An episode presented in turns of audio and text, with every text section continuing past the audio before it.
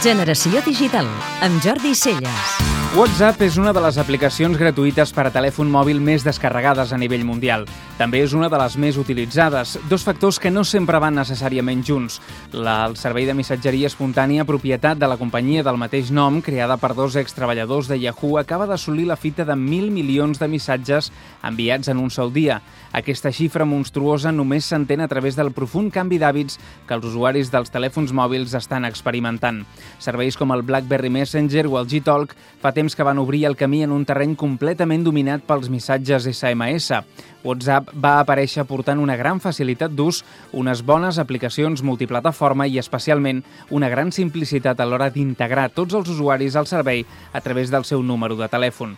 En la vertiginosa velocitat en què passen les coses al món digital, WhatsApp s'ha convertit en una eina líder de comunicació per text a nivell global, tot i els dubtes sobre la privacitat del que s'hi escriu. En aquest entorn no deixa de ser sorprenent la lentitud amb la qual estan responent les grans companyies digitals com Apple, Google o Microsoft davant d'aquest petit gegant creat del no-res. De totes maneres, els grans damnificats per l'èxit dels serveis de missatgeria instantània, especial pel WhatsApp, són els tradicionals missatges SMS i MMS. La davallada en l'ús d'aquest servei és absoluta en el cas dels usuaris de telèfons connectats a internet. Les tarifes, en molts casos abusives per l'enviament de missatges curts, s'han vist ridiculitzades pels serveis molt més pràctics i dinàmics de comunicació. Darrere aquests missatges hi ha les companyies de telecomunicacions que una vegada més s'han adonat tard que els mateixos serveis de connectivitat que ofereixen els canibalitzen fonts importants d'ingressos.